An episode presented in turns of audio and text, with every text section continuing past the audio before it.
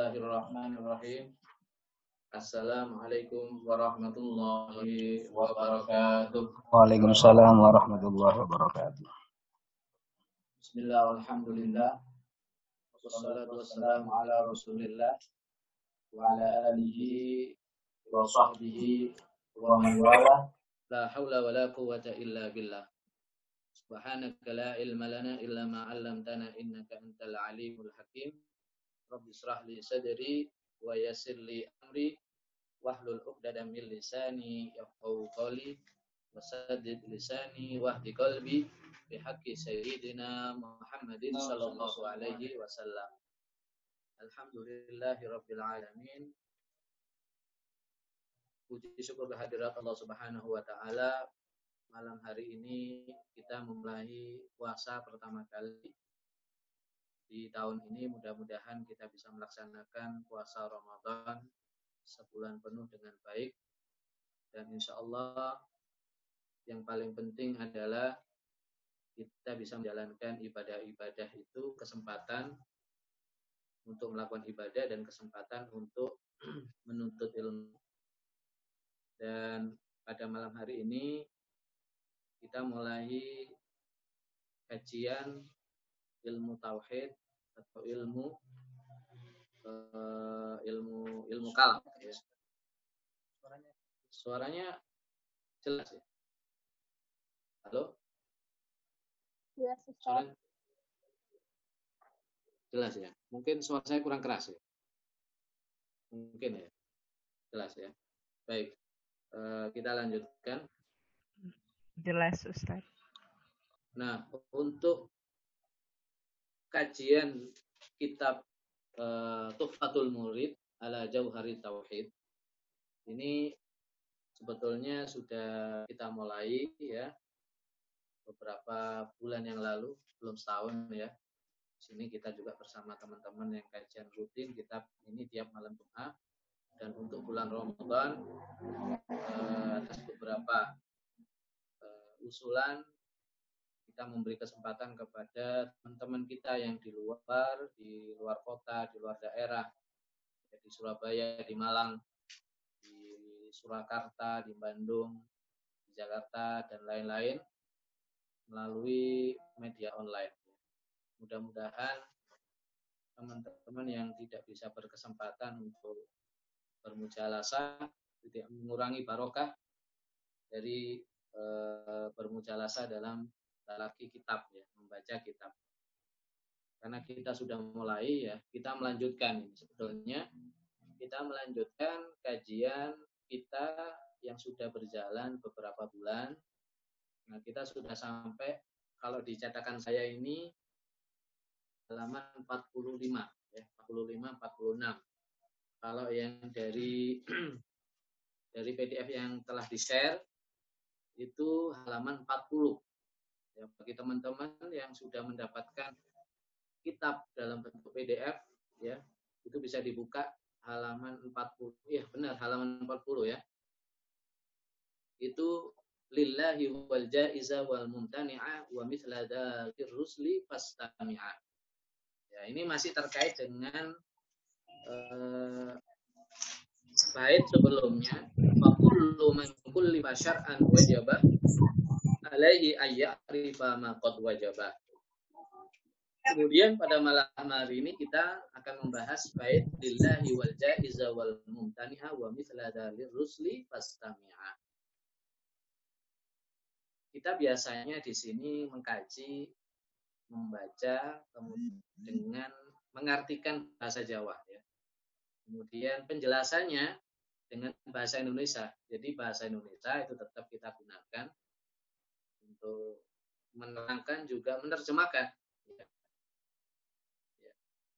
Nah ini eh, mudah-mudahan eh, kita sedikit ya sambil yang kalau bagi yang nggak bisa bahasa Jawa ya itu anggaplah sudah apa Insya Allah bisa ya. Ini ini teman-teman di sini pakai tradisi bahasa Jawa, tapi jangan khawatir setelah itu saya langsung terjemah ke dalam bahasa Indonesia.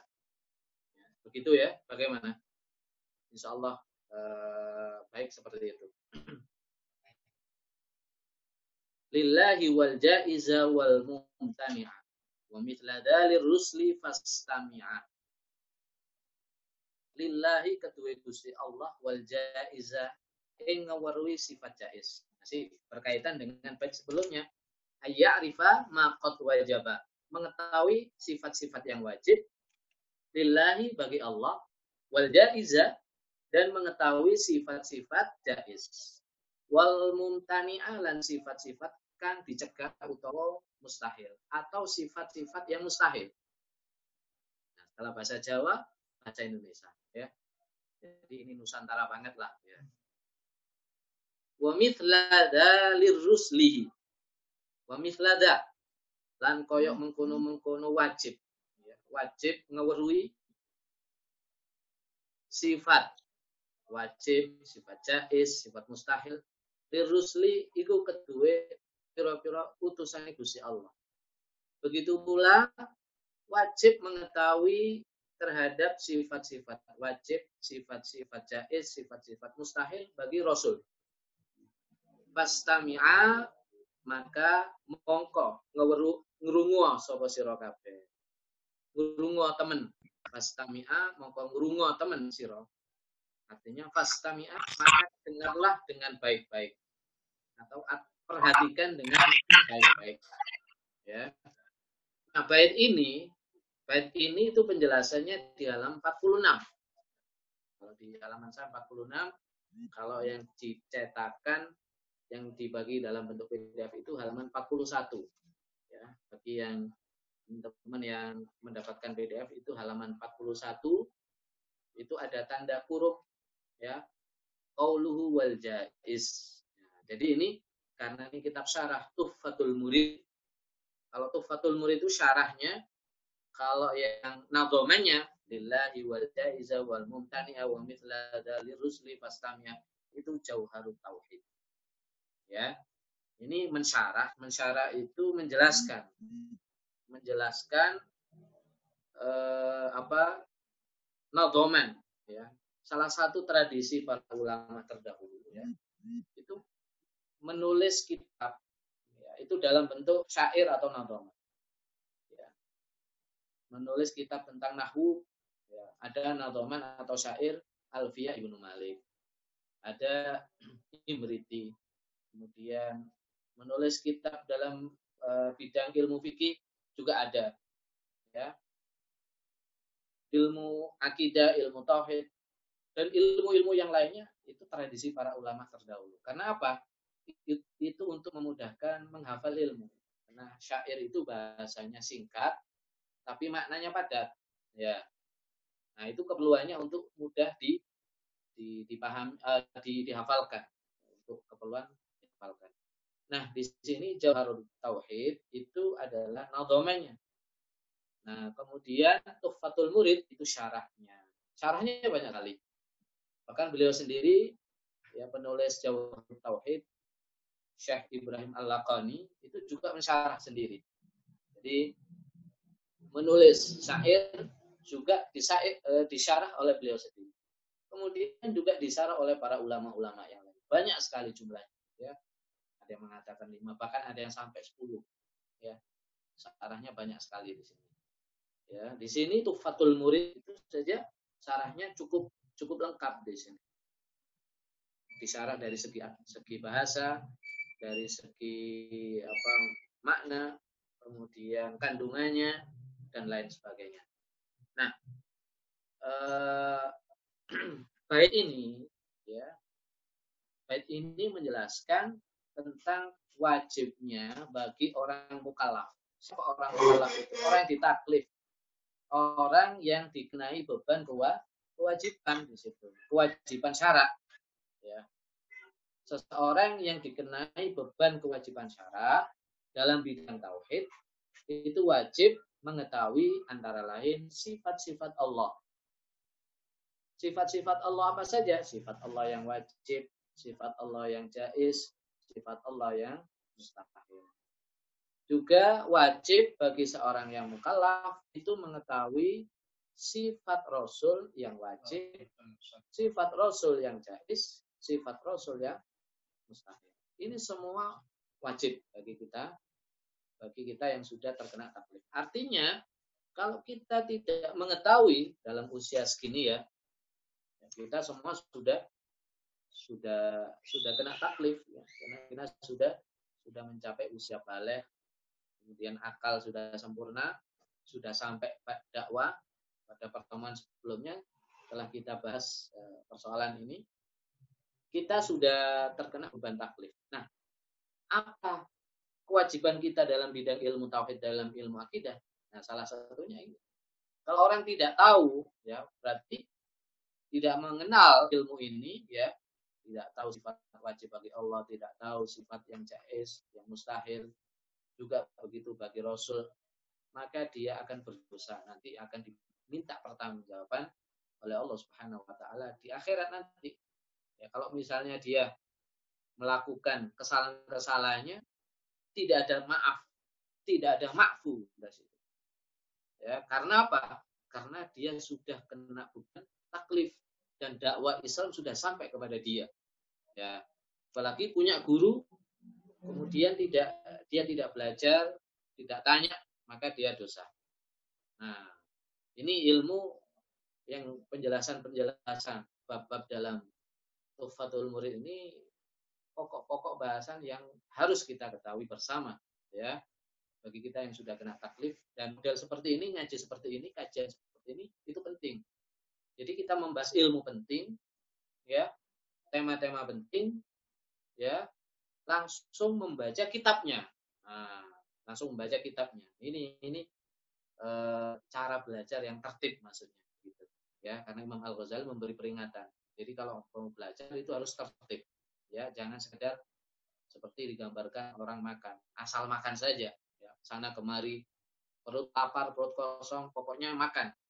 Ya, camilan dimakan, segala macam minuman dimakan, segala macam menu ia makan, ya akhirnya tidak sehat pada ya supaya nah dalam bidang ilmu supaya pikiran hati jiwa kita sehat maka belajarnya harus tertib nah cara seperti ini cara belajar yang tertib yaitu membaca kitab sampai selesai. Dan ini persoalan-persoalan penting yang sangat berguna uh, dalam kehidupan kita di zaman modern ini. Ya. Ya, ini merupakan ilmu kalam yang fungsinya adalah menjaga akidah dari berbagai macam uh, penyimpangan-penyimpangan dari berbagai macam uh, bid'ah-bid'ah qaid. Ya. Baik kita jelaskan satu persatu lillahi wal jaiza wal mumtani'ah. Pada pertemuan yang lalu kita sudah membahas tentang uh, apa itu wajib, apa itu hukum wajib, ya. Dan wajib itu dibagi menjadi dua. Nah, wajib doruri, ya, dan wajib nagari, ya. Nah, itu di halaman 46 ada. Kalau dalam uh, versi PDF halaman 41 itu. Wal wajibu ismani. Daruriyun. Ya. Kata hayyuzil jirmi ay akhduhu qadran minal hayyiz wa al makan. Ini penjelasan-penjelasan tentang konsep wajib. Ya, di sini kalau uh, kita diwajibkan untuk mengetahui sifat wajib bagi Allah, apa itu wajib? Ya, kita diberi beban atau taklif wajib mengetahui sifat jais Allah, maka apa itu jais? Nah, kemarin apa itu wajib? Nah, wajib itu adalah al-wajib mala yutasawwar fil akli adamu. Ya. Mala yutasawwar fil akli adamu. Perkara-perkara apa saja yang bagi akal tidak bisa menerima atau menggambarkan. Jadi dalam akal itu tidak bisa nerima, ya. Eh, apa? Ketiadaannya itu tidak bisa diterima oleh Ya pasti harus ada. Ya, itu namanya wajib. Ya, sebaliknya mustahil. Nah, wajib ini ada dua, wajib doruri dan wajib nadori. Ya, wajib doruri.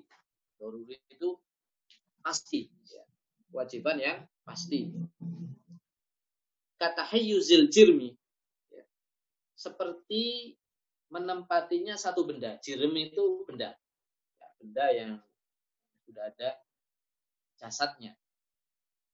Ai akhduhu qadran minal hiz wa al makan.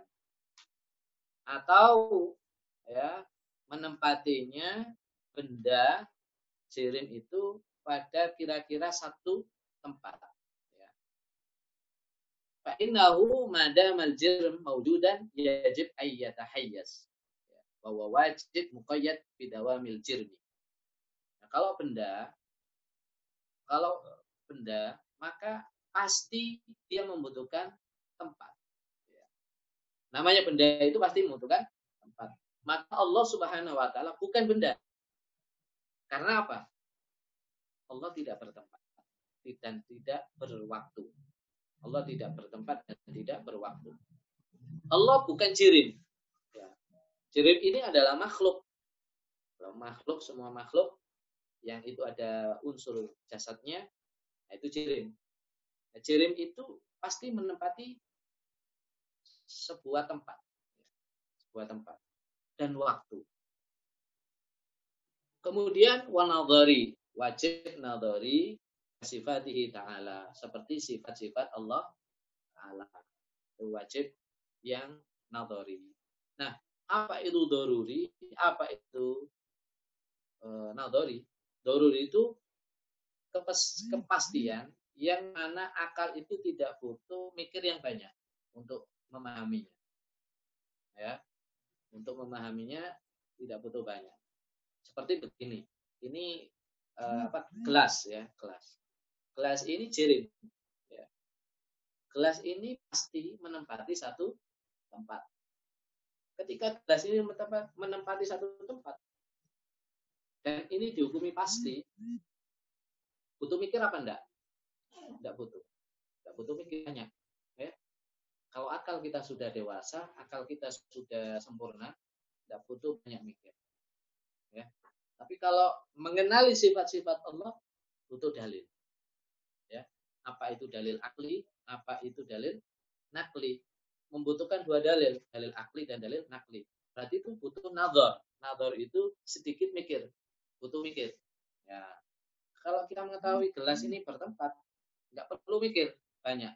Ya pasti mikir lah ya. Tapi mikirnya nggak teman-teman, ya tidak terlalu serius Nah, itu pembahasan kemarin. Nah, sekarang kita membahas tentang sifat jais bagi Allah. Qauluhu wal jais. Ayu dawe musannaf wal jaiza lafat jaiza. Penjelasan lafat jaiza wal jaiza.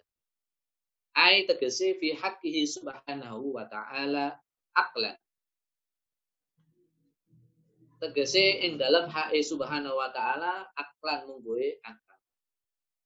Maksudnya jais di sini adalah jais bagi Allah Subhanahu wa taala menurut akal. Nah, menurut akal, aklan. Ya kalau e, menurut e, nakal ya tinggal cari dalilnya dalam ayat Al-Qur'an. Nah, bagaimana dengan e, secara akal di sini? Wa utawi lafaz jais iku maktufun iku diatofakan ala qaulihi ing atase dawuh nazim ma qad wajaba lafat qad wajaba. Dan lafaz jais ini diatafkan kepada perkataan ma qad wajaba. Ma qad wajaba ini baik sebelumnya. Teman-teman kalau yang punya kitab itu bisa dilihat baik sebelumnya. Fakullu man kullifa syar'an wajaba alaihi ayyarifa ma qad wajaba. Ma qad wajaba. Yaitu apa-apa yang wajib. Ya, itu diatofkan. Atofkan itu ya di berarti kalau diatofkan berarti harokatnya eoknya harus sama mengetahui e, pada lafat sebelumnya. Kalau lafat sebelumnya itu i'rabnya apa ini? Ayat rifa makot wajibah. Kemarin apa i'rabnya? Makot wajibah. I'rabnya apa? Nah, ini bagi yang sambil belajar ilmu nahwu ya. Nah, ini sambil belajar ilmu nahwu, memang ini dipreteli ya, dianalisis secara lugawi, secara nahwiyah. Makot wajaba ayyarif itu kan il. Nah, setiap fi'il ada maf maf wajibah jadi maf'ul. Jadi maf'ul ya. Jadi maf'ul. Jadi maf'ul itu hukumnya apa? Mansub, dinasabkan. Harokat di sini. Makanya al jaizah ha harokat fat fathah ya. Atofnya kepada kot wajib. Jadi maf'ul, maf'ul bi.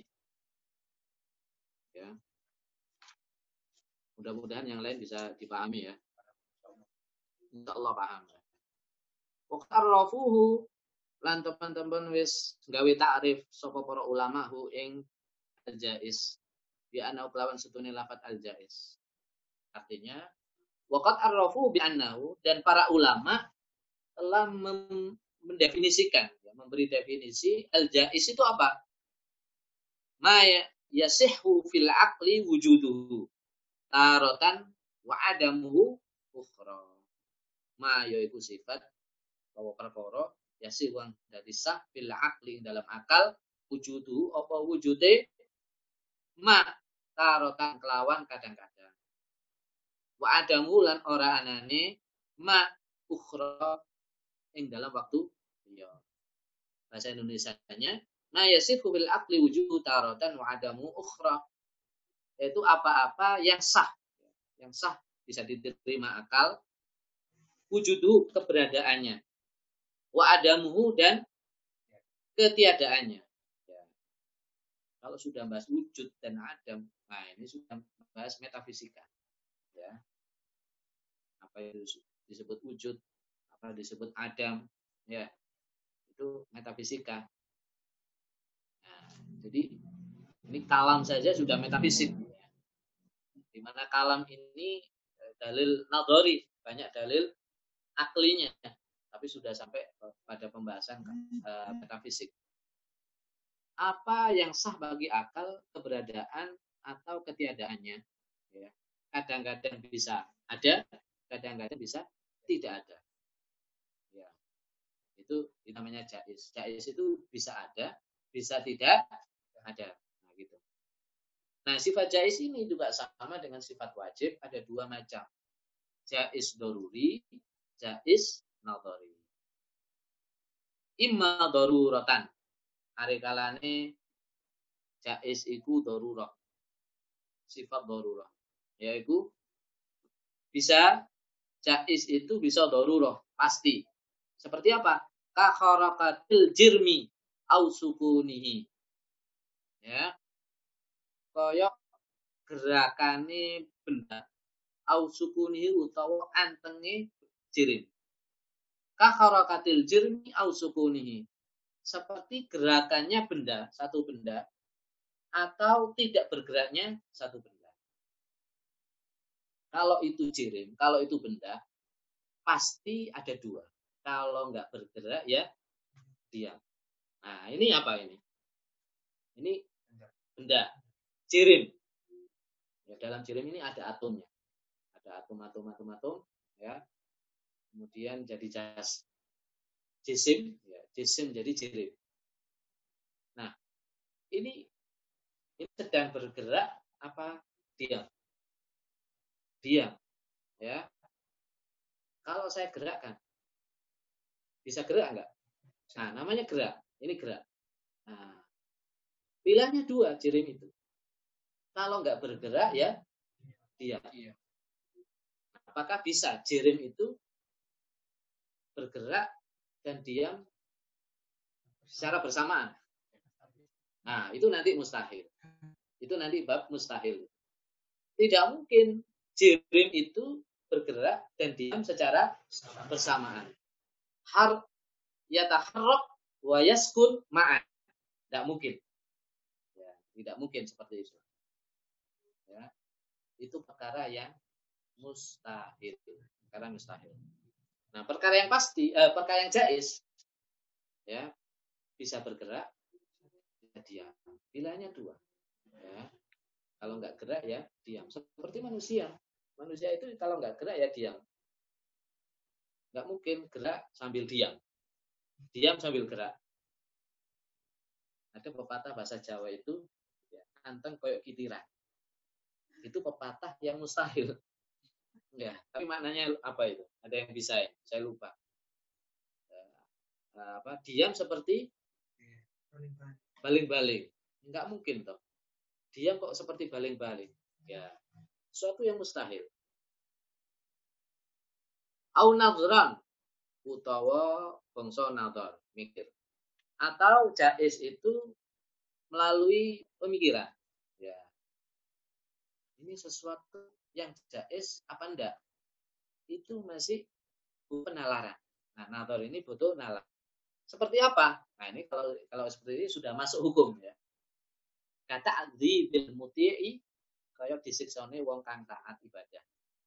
Walau maksuman lan senajan di dijogo saking saking dosa. Seperti apa? Contohnya orang yang taat ibadah itu disiksa. Nah, ini jais. Orang yang taat ibadah itu mungkin bisa disiksa. Walau maksuman. Meskipun itu dijaga. Siapa yang maksum ini? Para nabi. Tapi ingat, ini bukan nakli. Ini apa? Ini hukum akal. Yang kita bahas ini hukum akal. Jadi mulai kemarin itu yang kita bahas hukum akal.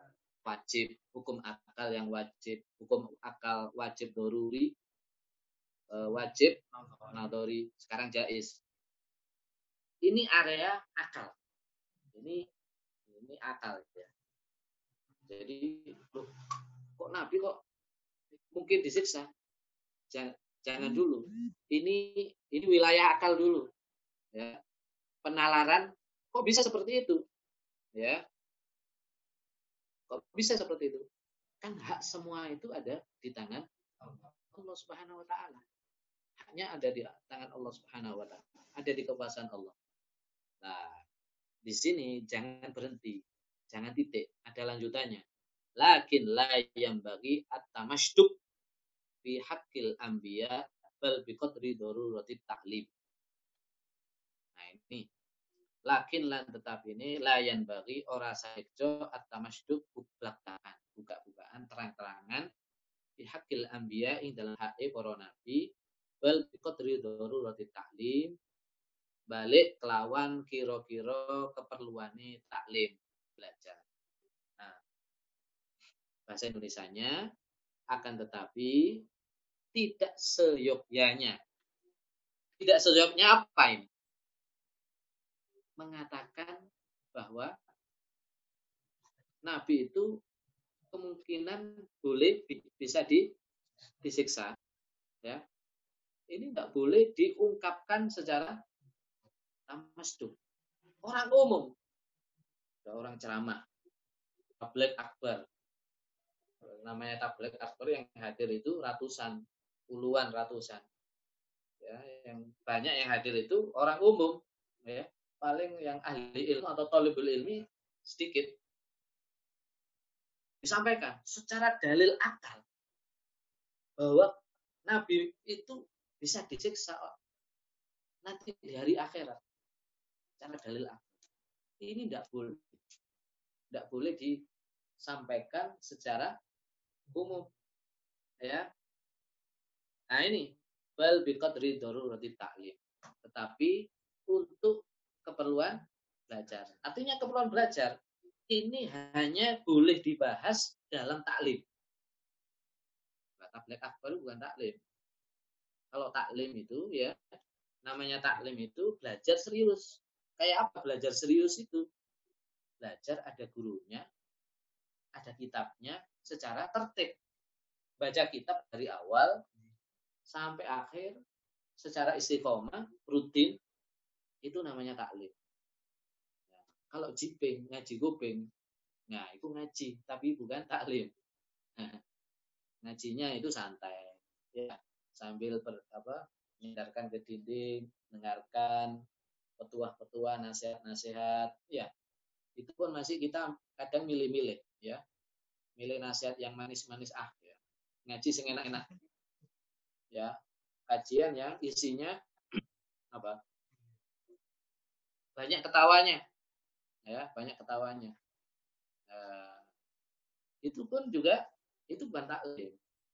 Nah istilahnya kalau bahasa istilah saya itu kalau makan ya kalau orang makan taklim itu makan memakan makanan pokok. Nah, makanan pokok kita itu apa? Nasi. Kita makan nasi ya sampai uh, kenyang ya. Kemudian badan kita jadi sehat. Ya jadi sehat. Karena si kan yang karbohidrat ya minum air putih itu yang pokok. Nah itu taklim. Sangat bermanfaat untuk tubuh kita. Nah adapun kayak apa e, kultum ya. Bahkan tablet yang isinya itu eh, kajiannya tidak apa tidak murotab ya. Tematik misalnya ya 30 menit 20 menit ya mendengarkan nasihat tausiah. Ya, hanya tausiah saja. Nah itu bagaikan saya gambarkan seperti camilan. Seseorang memakan camilan makan kacang terus apa lagi?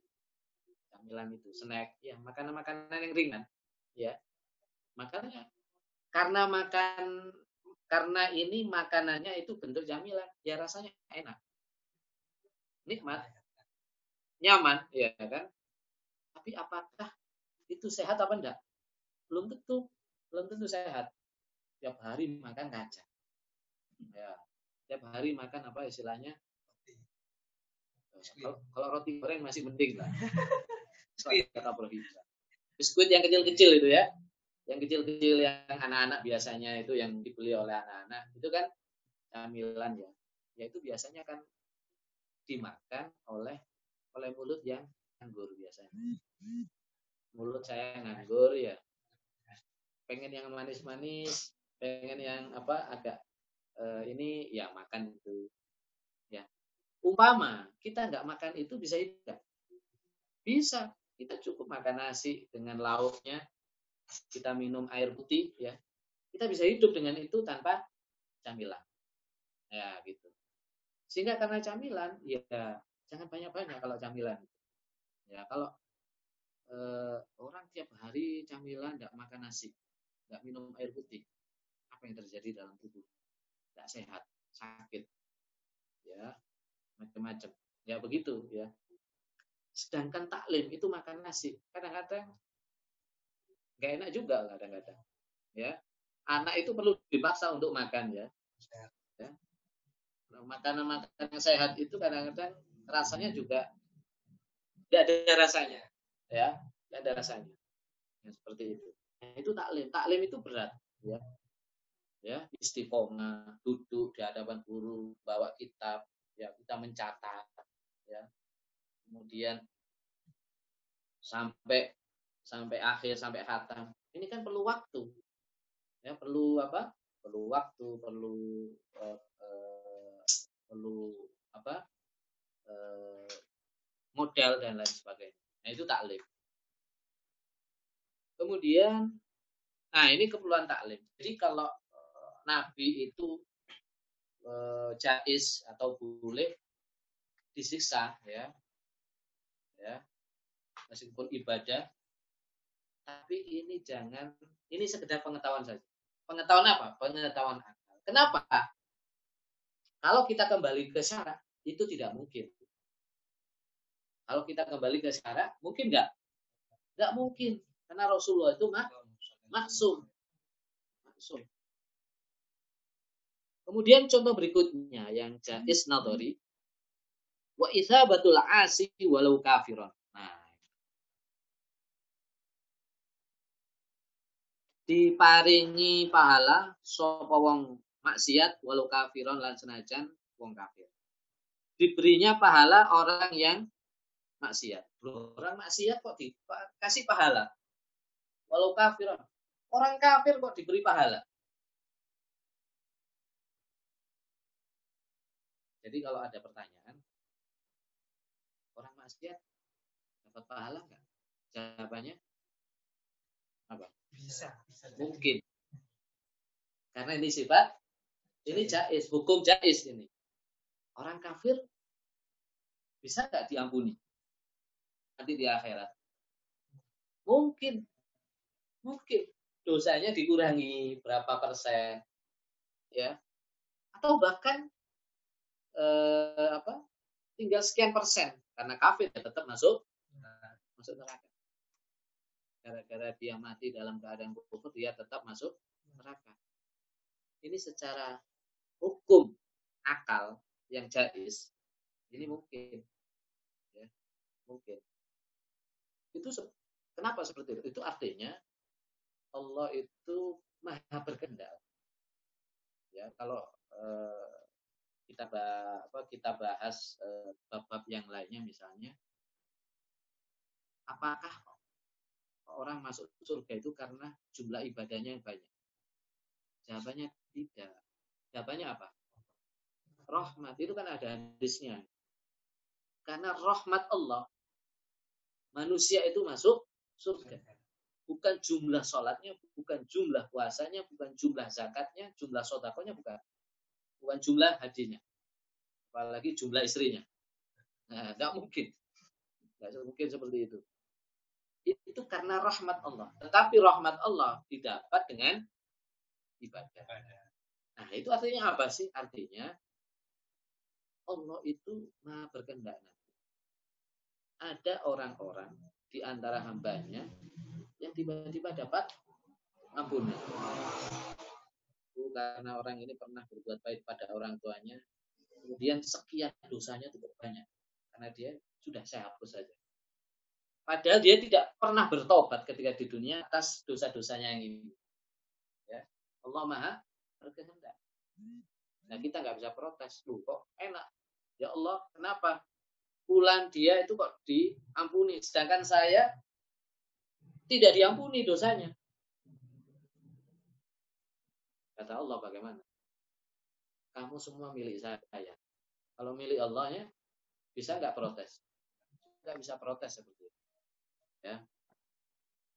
Kemudian kita lanjutkan di annal kalama kronos pembahasan fil imkani al akli ing dalam hukum kongan kan bongso akal. Karena pembahasan dalam bab ini itu adalah pembahasan imkanul akli. Apa imkanul akli?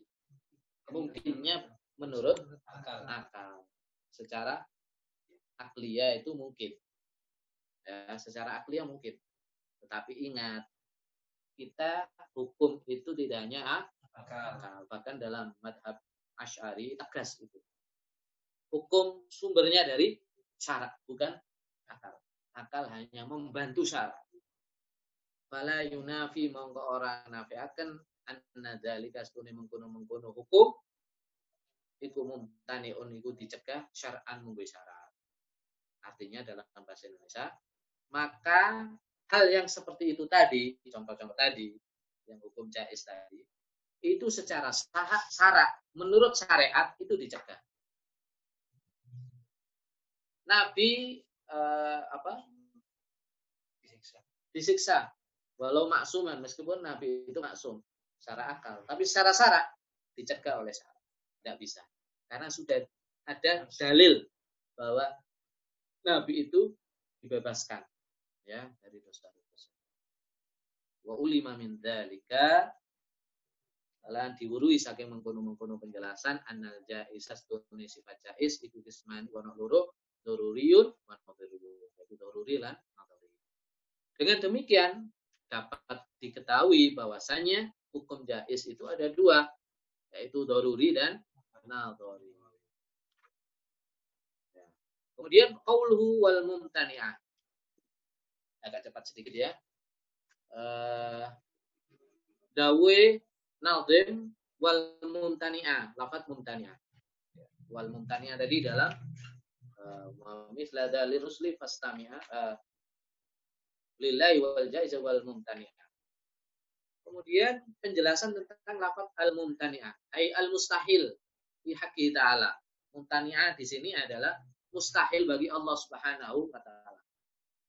Wa arrafu bi annahu apa yang apa yang disebut mustahil Maka para ulama menjelaskan mustahil bagi Allah atau hukum mustahil itu adalah mala yutasawwar fil akli wujuduhu. Nah, kebalikan dari wajib. Wajib.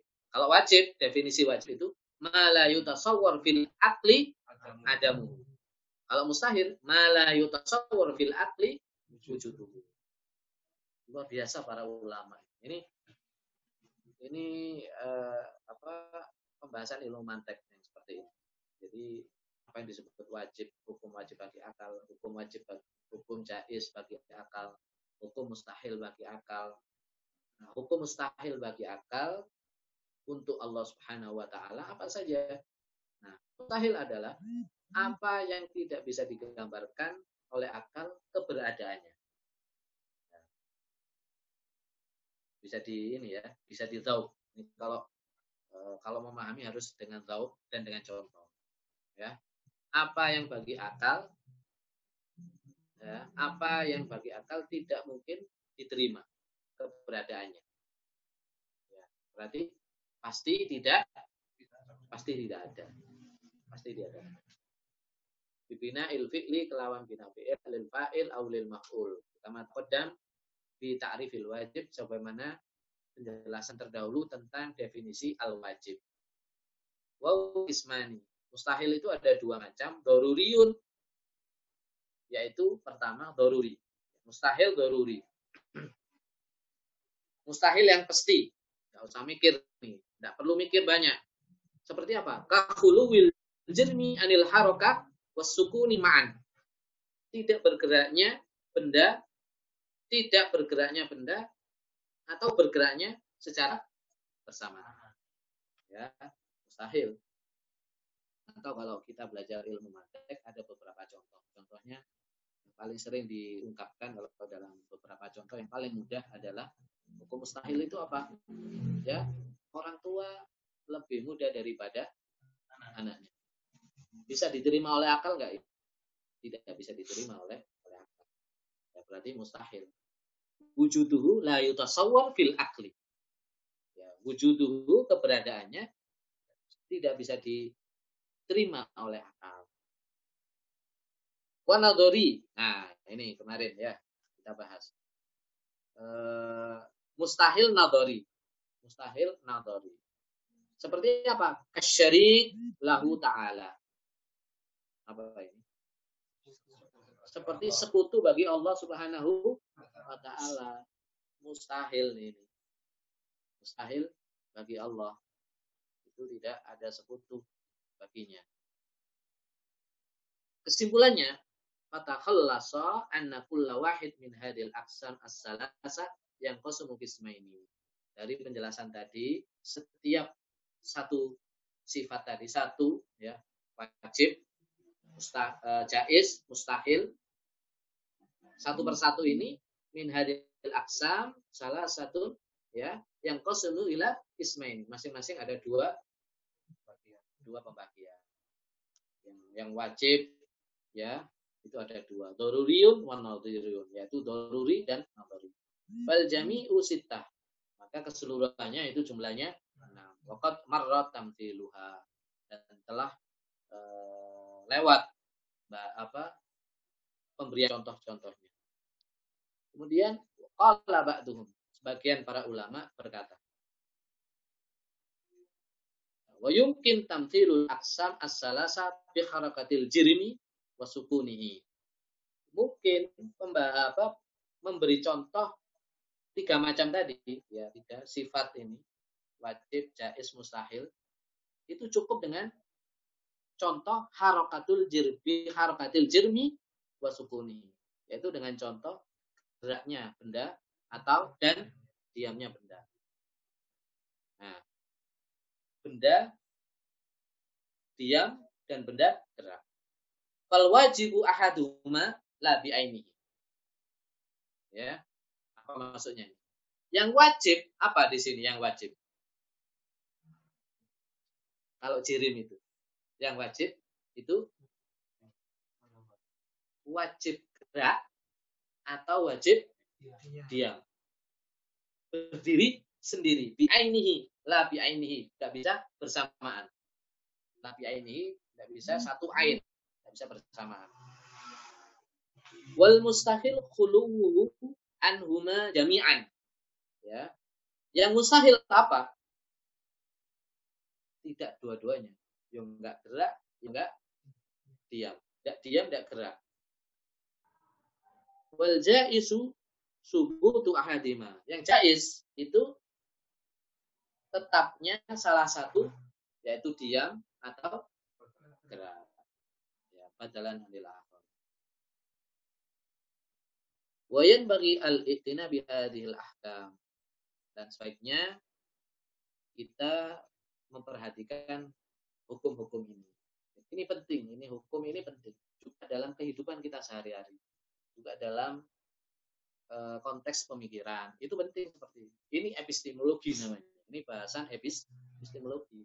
Jadi ini uh, apa kajian epistemologi kalam yang berdasarkan terkait dengan ilmu mantek, ya, terkait dengan sumber-sumber ilmu, ada sumber ilmu akal, ada sumber ilmu syara, ya.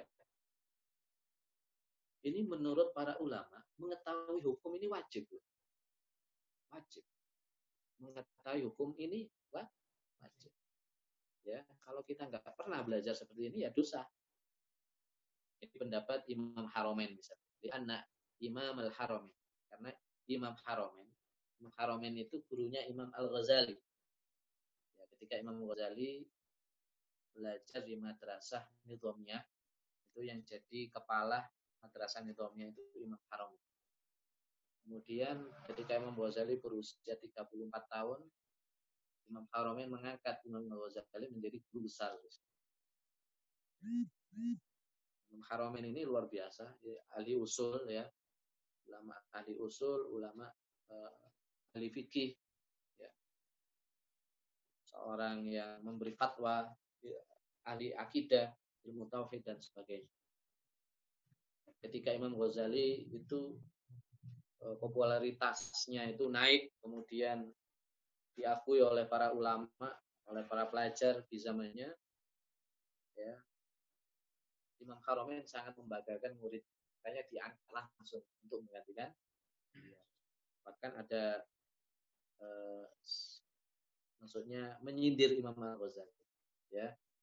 Menyindir Imam Al-Ghazali. Ketika Imam Al-Ghazali mengatakan satu kitab, ya, kata Imam Haromen, ya eh, cahaya saya redup belum waktunya artinya engkau membunuh engkau membunuh saya sebelum saya wafat bunuh dulu sama Imam Al Ghazali sebelum dia artinya Imam Haromen itu mengakui keunggulan Imam Al Ghazali dia melewati gurunya ya melewati gurunya makanya langsung diangkat oleh uh, Imam Haram menjadi guru besar di madrasah itu.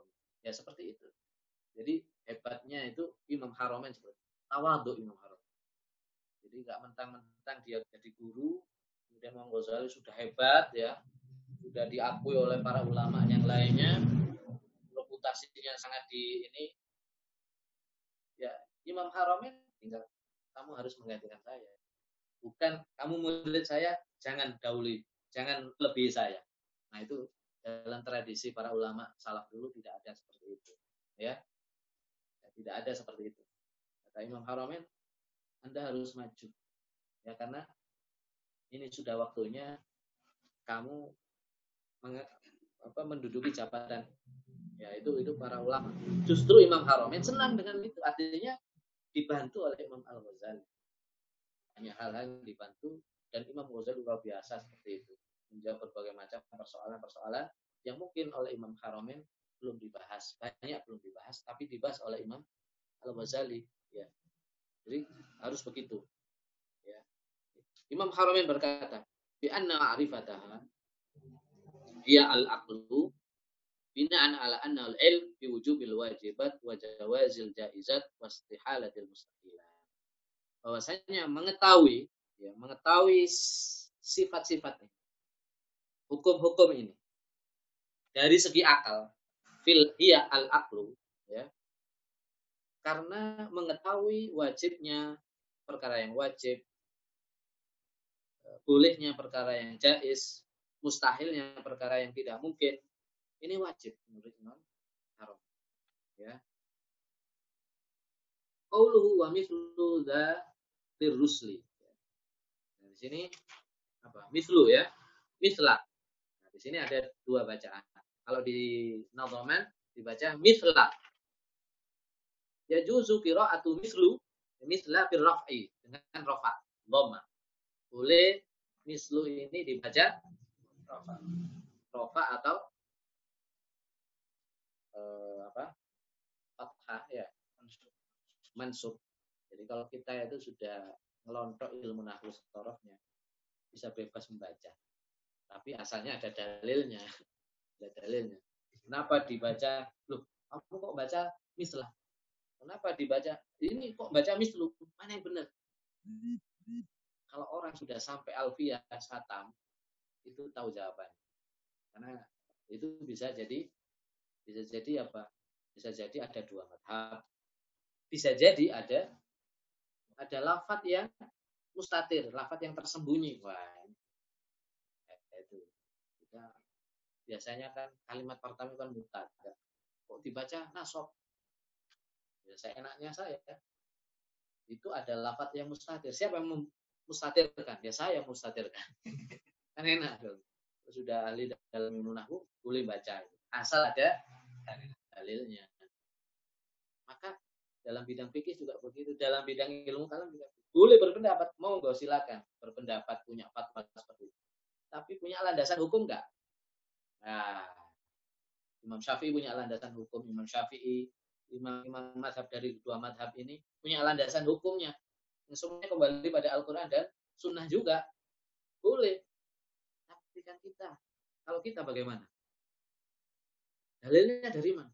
Oh, dalilnya dari kitab ini. Kitabnya ini dikarang oleh siapa? Oh, dikarang oleh seorang ulama bermadhab ini. Berarti kita ikut madhab.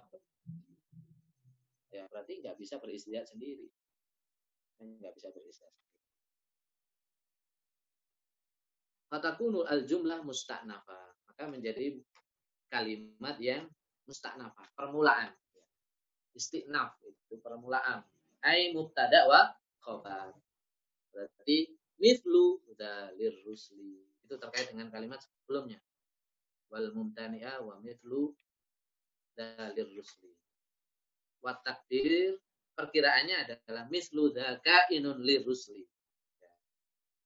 Kalau sudah ahli nahwu bicara takdir, apa takdirnya? Takdirnya bukan takdir keputusan Allah, bukan ini perkiraan bahasa. Ada lafat yang disembunyikan. Ya, itu kalau sudah bisa bahasa Arab, bisa nahwu sorof. Enak kalau gitu.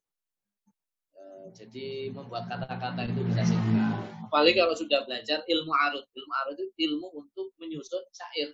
Wah, tambah enak. Bebas itu. Semua ilmu arut ada ada dalil.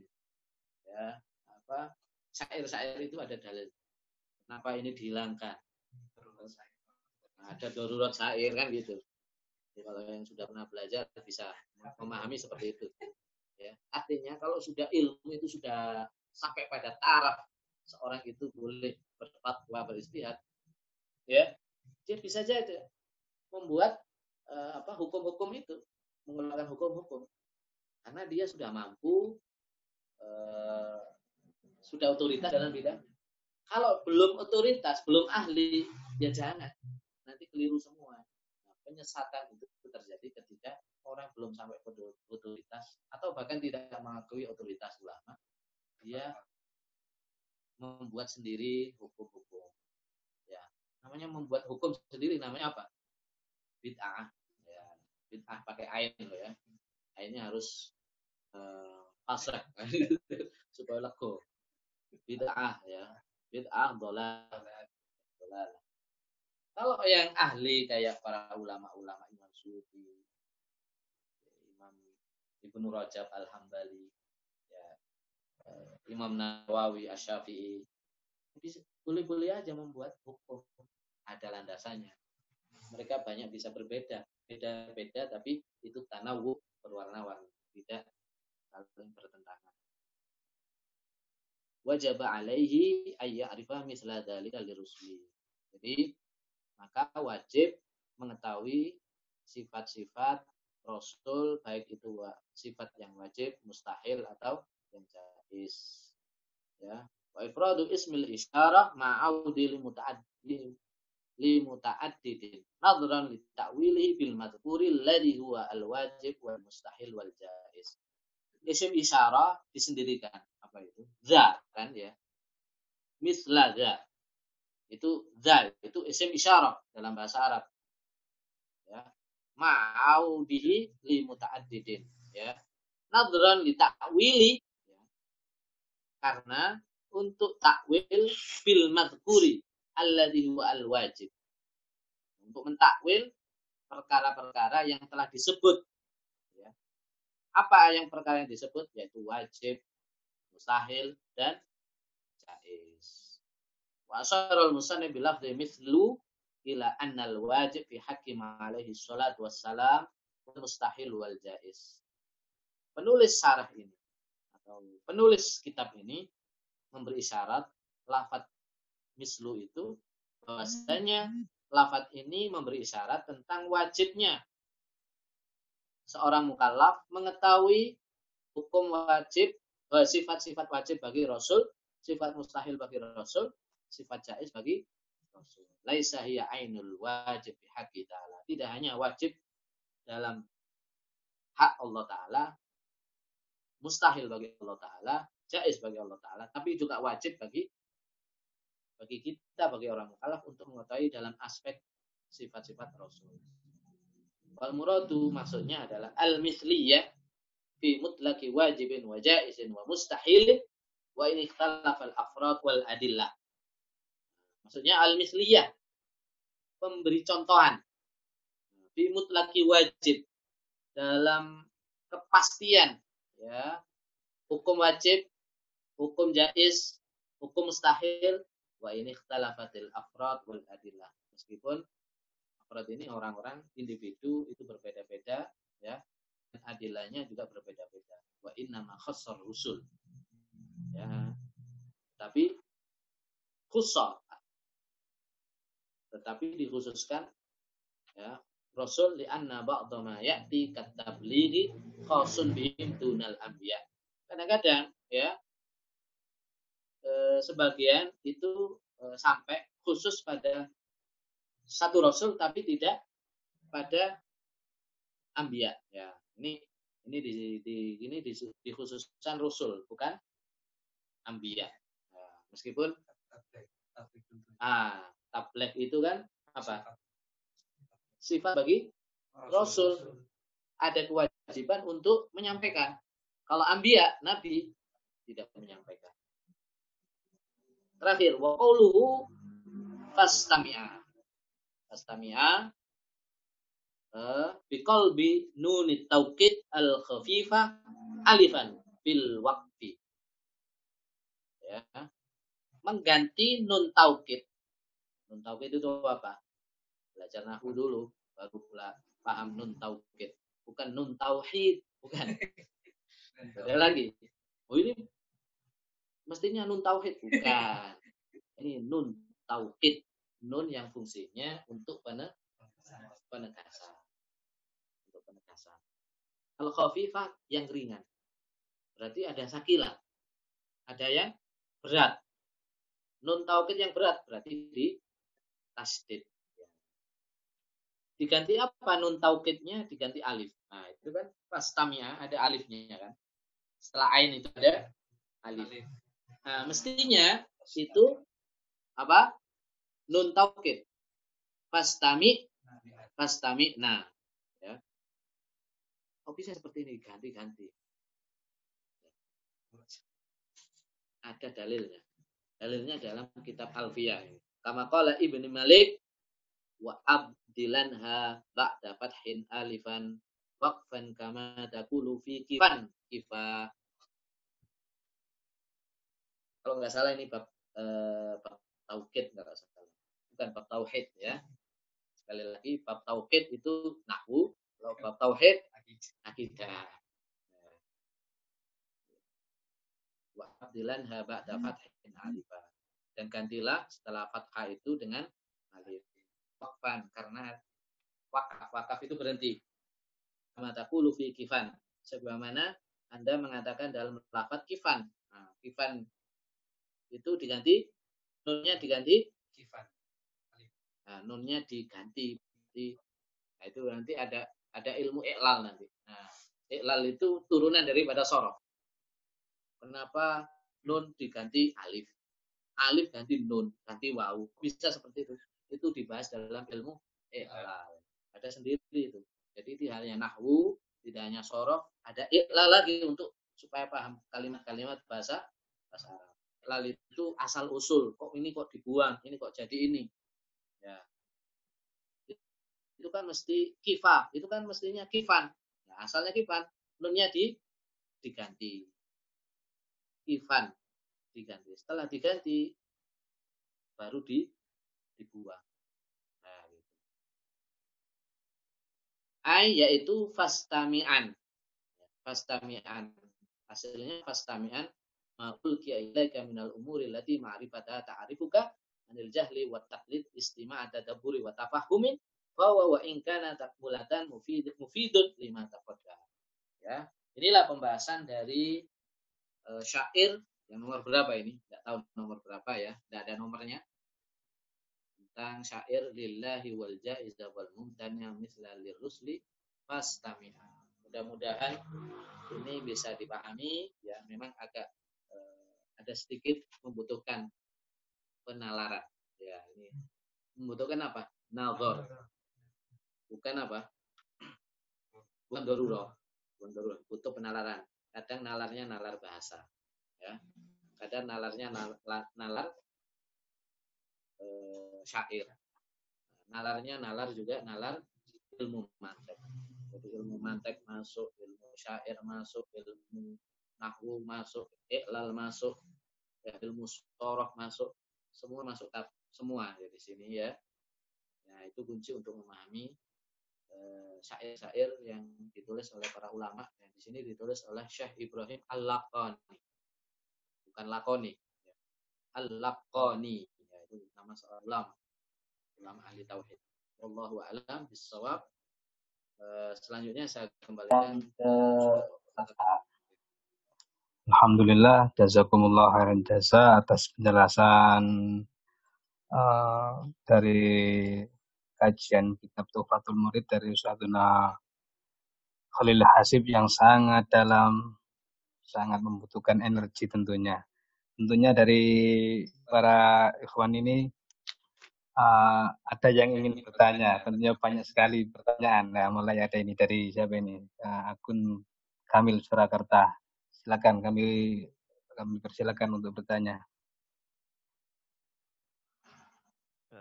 Bismillahirrahmanirrahim. Assalamualaikum warahmatullahi wabarakatuh. Waalaikumsalam warahmatullahi wabarakatuh. Uh, Ustaz, uh, ini izin bertanya Ustaz ya, mungkin uh, pertanyaan yang apa namanya agak-agak masih remeh, mohon maaf Ustaz ya, masih belajar juga. Uh, jadi begini Ustaz, uh, ini kan di sini ada uh, taksim atau kemudian uh, sifat Allah dan Rasul, ada yang wajib, jais dan ini dan mustahil Ustaz ya. Nah ini yang mau uh, saya tanyakan Ustaz kan kadang-kadang ketika saya berhadapan dengan teman saya yang sudah mencukupkan bahwa untuk mengkaji sifat Allah itu cukup yang tertera di Al-Quran saja. Mungkin ada yang bilang cukup apa? Ya Ustaz. Untuk mempelajari sifat Allah itu cukup apa saja? Uh, cukup uh, berdasarkan apa yang ada disebutkan dalam Al-Quran dan As-Sunnah saja seperti itu dari teman adalah teman jadi uh, seolah-olah menafikan adanya pembagian sifat wajib, jais, dan mustahil ini Ustaz. Nah ini kan yang mau saya tanyakan adalah sebenarnya frameworknya dari pembagian sifat ini seperti apa Ustaz ya?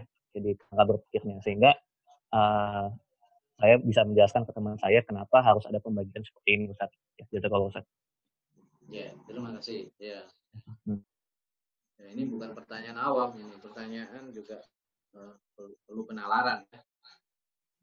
Jadi sifat mustahil, sifat wajib, sifat jais, dan sifat mustahil itu dibahas dalam ilmu apa? Ilmu tauhid, ilmu kalam. Nah, ilmu tauhid atau ilmu kalam ya itu dalilnya adalah akli juga dalil nakli. Ya. Dalil akli, dalil nakli ini dan dalam mazhab sunnah wal Jamaah wajib takdimun nakl alal akal. Nah ini frameworknya yang nggak boleh di, ditinggalkan.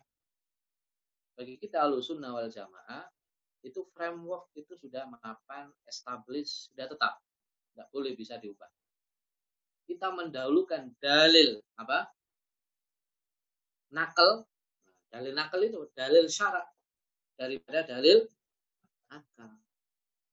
Kalau misalnya ada penjelasan-penjelasan akli ya, yang sifatnya akli ya, yang sifatnya nazar, sifatnya penalaran. Kok penjelasan ini bertentangan dengan syarat? Ada pertentangan. Maka kita ambil yang mana? Kita ambil yang syarat. Kita ambil yang nakal. Itu framework alusun wal jamaah. Baik itu maturidi atau asyari, dua-duanya seperti itu. Ya. Dan kebanyakan alul hadis ini memakai framework ini. Ya, alul hadis itu kan dulu kan ada madhab alul hadis, ada madhab alul alul ra'yi. Ya. Alul hadis banyak mengikuti ini karena ikut syarat kemudian baru Nah, ilmu kalam ya, dalam ilmu kalam isinya itu dalil. Nakal juga dalil akal dalil syarak juga dalil rasional. Nah, para ulama itu membangun argumentasi dari dua ini. Baik itu argumentasi sifatnya syarak ataupun argumentasi yang sifatnya akliyah. Jadi ilmu kalam ini adalah ilmu untuk membangun argumentasi, membangun hujah. Nah, kenapa perlu hujah di sini? Kira-kira kenapa? Karena ada yang melawan. Karena ada tantangan. Kalau bahasa Melayunya karena ada cabaran. Karena ada yang mencabar. Ada yang menantang. Nah, zaman dulu siapa yang menantang? Mu'tazilah itu paling paling dominan mempengaruhi para ilmuwan, para saintis, ya, para ulamanya, ya. Bahkan ada khalifah yang Mu'tazilah. Ya. Tidak semua khalifah itu alusunnah loh. Ada khalifah yang Mu'tazilah loh. Ya. Siapa khalifah? Al-Mu'tasim billah. Ya, Al-Mu'tasim billah. Itu di zaman dia Mu'tazilah berkembang pesat. Ya, dan orang Syiah pada saat itu belajar kepada orang Mu'tazilah. Karena orang Syiah itu awalnya nggak punya framework. Nggak punya apa? Kerangka. Ya apa sih membangun argumentasi akidahnya itu mereka juga nggak nggak eh, nggak terlalu kuat. Akhirnya mereka belajar kepada Mu'tazilah. Kok nggak belajar sama Ahlussunnah? Kalau belajar sama Ahlussunnah ya jadi Sunni nanti. nggak jadi Syiah. Hanya mereka belajar kepada Mu'tazilah. Nah, karena ada tantangan ini, dan Mu'tazilah itu frameworknya apa? Takdimu akal ala nakal. Mendahulukan akal daripada syarat. Jadi akal yang di ini kan yang di apa dieksploitasi oleh Mu'tazilah secara penuh ya. Ketika berhadapan dengan Mu'tazilah, kita lempar Al-Quran dan hadis. Ini dalil Al-Quran. Ini dalil hadis. Mada fa'ala. Apa yang terjadi? Ya, Mu'tazilah nggak bisa ini katanya. Nggak bisa. Ditolak sama Mu'tazilah. Kalau tertolak, berarti argumentasi kita tidak berhasil. Maka lahirlah madhab Ash'ari. Yaitu yang dipelopori Abu Hasan Al-Ash'ari. Imam Abu Hasan Al-Ash'ari. Melawan Mu'tazilah, menangkis Mu'tazilah. Bagaimana cara apa Imam Imam Ash'ari ini sudah membaca kisah-kisah daripada Imam Ahmad bagaimana Imam Ahmad bin Hambal menghadapi Mu'tazilah sampai di penjara Imam Ahmad itu konsisten melawan Mu'tazilah. Abad ketiga muncul Imam Ash'ari. Imam Ash'ari menalar ini. Ini Mu'tazilah ini orang nakal ya. Dikit-dikit pakai akal. Harus ditaklukkan pakai akal. Begitu. Kan kita harus naklukkan cara begitu ada orang berperang ya perang lawannya itu pakai eh, apa pakai AK-47 sedangkan kita pakai samurai ini senjata api sama samurai ya apa yang terjadi siapa yang mati duluan ya samurai jadi dari jarak jauh sudah bisa nembak kan maka nggak bisa ini pakai samurai. Bisa. Harus pakai apa? Senjata api. Tembak dulu baru disembeli. Nah, misalnya begitu. Ya. Nah, karena dia pakai akal Mu'tazilah, maka dia harus ditaklukkan dengan akal juga. Nah, itulah Imam Ash'ari. Menaklukkan Mu'tazilah yang mengagungkan akal dengan dalil akal, takluk akhirnya ayat takluk. Buktinya apa? Mu'tazilah sampai kemudian setelah zaman itu menyusut pengikutnya. Zaman Imam Ghazali diserang lagi, zaman Fakhruddin Ar-Razi ditangkis lagi, sampai kemudian sampai sekarang di mana Mu'tazilah itu kita nggak menemukan di mana Mu'tazilah itu sembunyinya ada di mana ya. ya. Akhirnya berhasil dalam sejarah Islam para ulama ahlu sunnah wal jamaah berhasil menangkis Mu'tazilah dengan dalil akli lah. Kemudian lahirlah ilmu kalam ahlu sunnah wal jamaah. Sebelumnya kalam itu mereka para ulama mengenal kalam itu ya kalam Mu'tazilah. Setelah e, tertangkis Mu'tazilah itu di tangan oleh Imam Asy'ari maka lahirlah ilmu kalam versi baru versi ahlu sunnah wal jamaah. Jadi dalil-dalil syarat tidak ditinggalkan oleh para ulama asyairah. Tidak ditinggalkan. Tetap takdimul syarat. Mendahulukan syarat. Tetapi apa fungsi atas ini? Menguatkan. Menguatkan syarat. Dari situ kemudian maka apa? Eh, lahirlah ilmu kalam, lahirlah istilah-istilah antara lain istilah apa itu definisi wa, wajib, definisi jais, definisi mustahil. Silakan definisi ini dibuka dalam Al-Qur'an. Ya. Silakan dibuka dalam kitab hadis kutubus sittah. Tidak ada. Coba cari dalilnya apa itu wajib? Tidak ada. Ini hasil istihad. Hasil istihad para ulama ahli kalam menghasilkan pendefinisian seperti ini termasuk pembagian. Nah, orang istihad itu tidak tahu. Ada aturannya. Ada dan itu bisa dibuktikan. Bisa di, dibuktikan. Sifat Allah yang wajib, sifat Allah yang mustahil bisa dibuktikan. Semuanya ada dalilnya. Baik, nanti kita pelajari satu persatu kan. Sifat Allah yang wajib, dalil syaratnya ini, dalil aklinya ini. Itu ada semua. Artinya nggak meninggalkan syarat. Ada semua. Kenapa ada pembagian itu? Itu nalar akal. Dan nalar akal ini yang nggak bertentangan dengan syarat boleh dipakai. Kalau kita baca tahafut falasifah misalnya, ya ada dalil Al-Quran dan hadis tidak tidak ada. Tapi para ulama itu tidak ada yang menolak. Padahal isinya akal tok itu. Tapi semuanya mendukung syarat. Sampai kemudian Imam Ad-Dahabi berkomentar. Berkomentar. Ibnu Taimiyah sangat mengambil faedah banyak kepada Imam Al-Ghazali dalam masalah filsafat. Nah, Ibnu Taimiyah kan dikenal e, menulis kitab mantek Ar-Rod Al-Mantiqiyah. Nah, itu berapa meter ini? Tidak cukup segini. Ibnu Taimiyah kalau nulis itu tidak ada yang tipis-tipis. Satu jilid itu tebel-tebel. Nah ini sekian jilid, berapa jilid? 14 jilid lebih. Ya, Rot al-Mantiqiyah. Nah, itu ngerot atau ngerot itu menolak uh, mantik Aristoteles.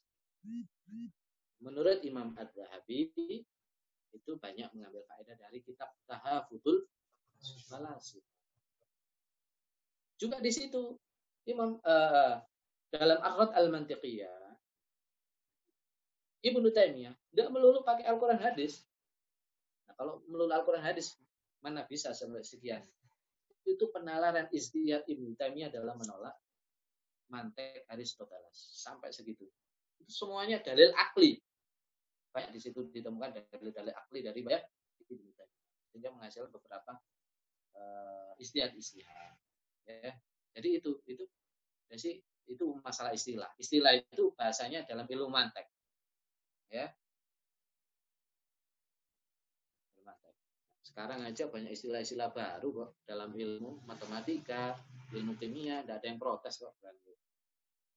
Semuanya nggak ada dalilnya. Ya ini eh, ini ada dalilnya semua. Dalil syarat ada. Wajib mustahil jais ada ada dalil. Wallahu alam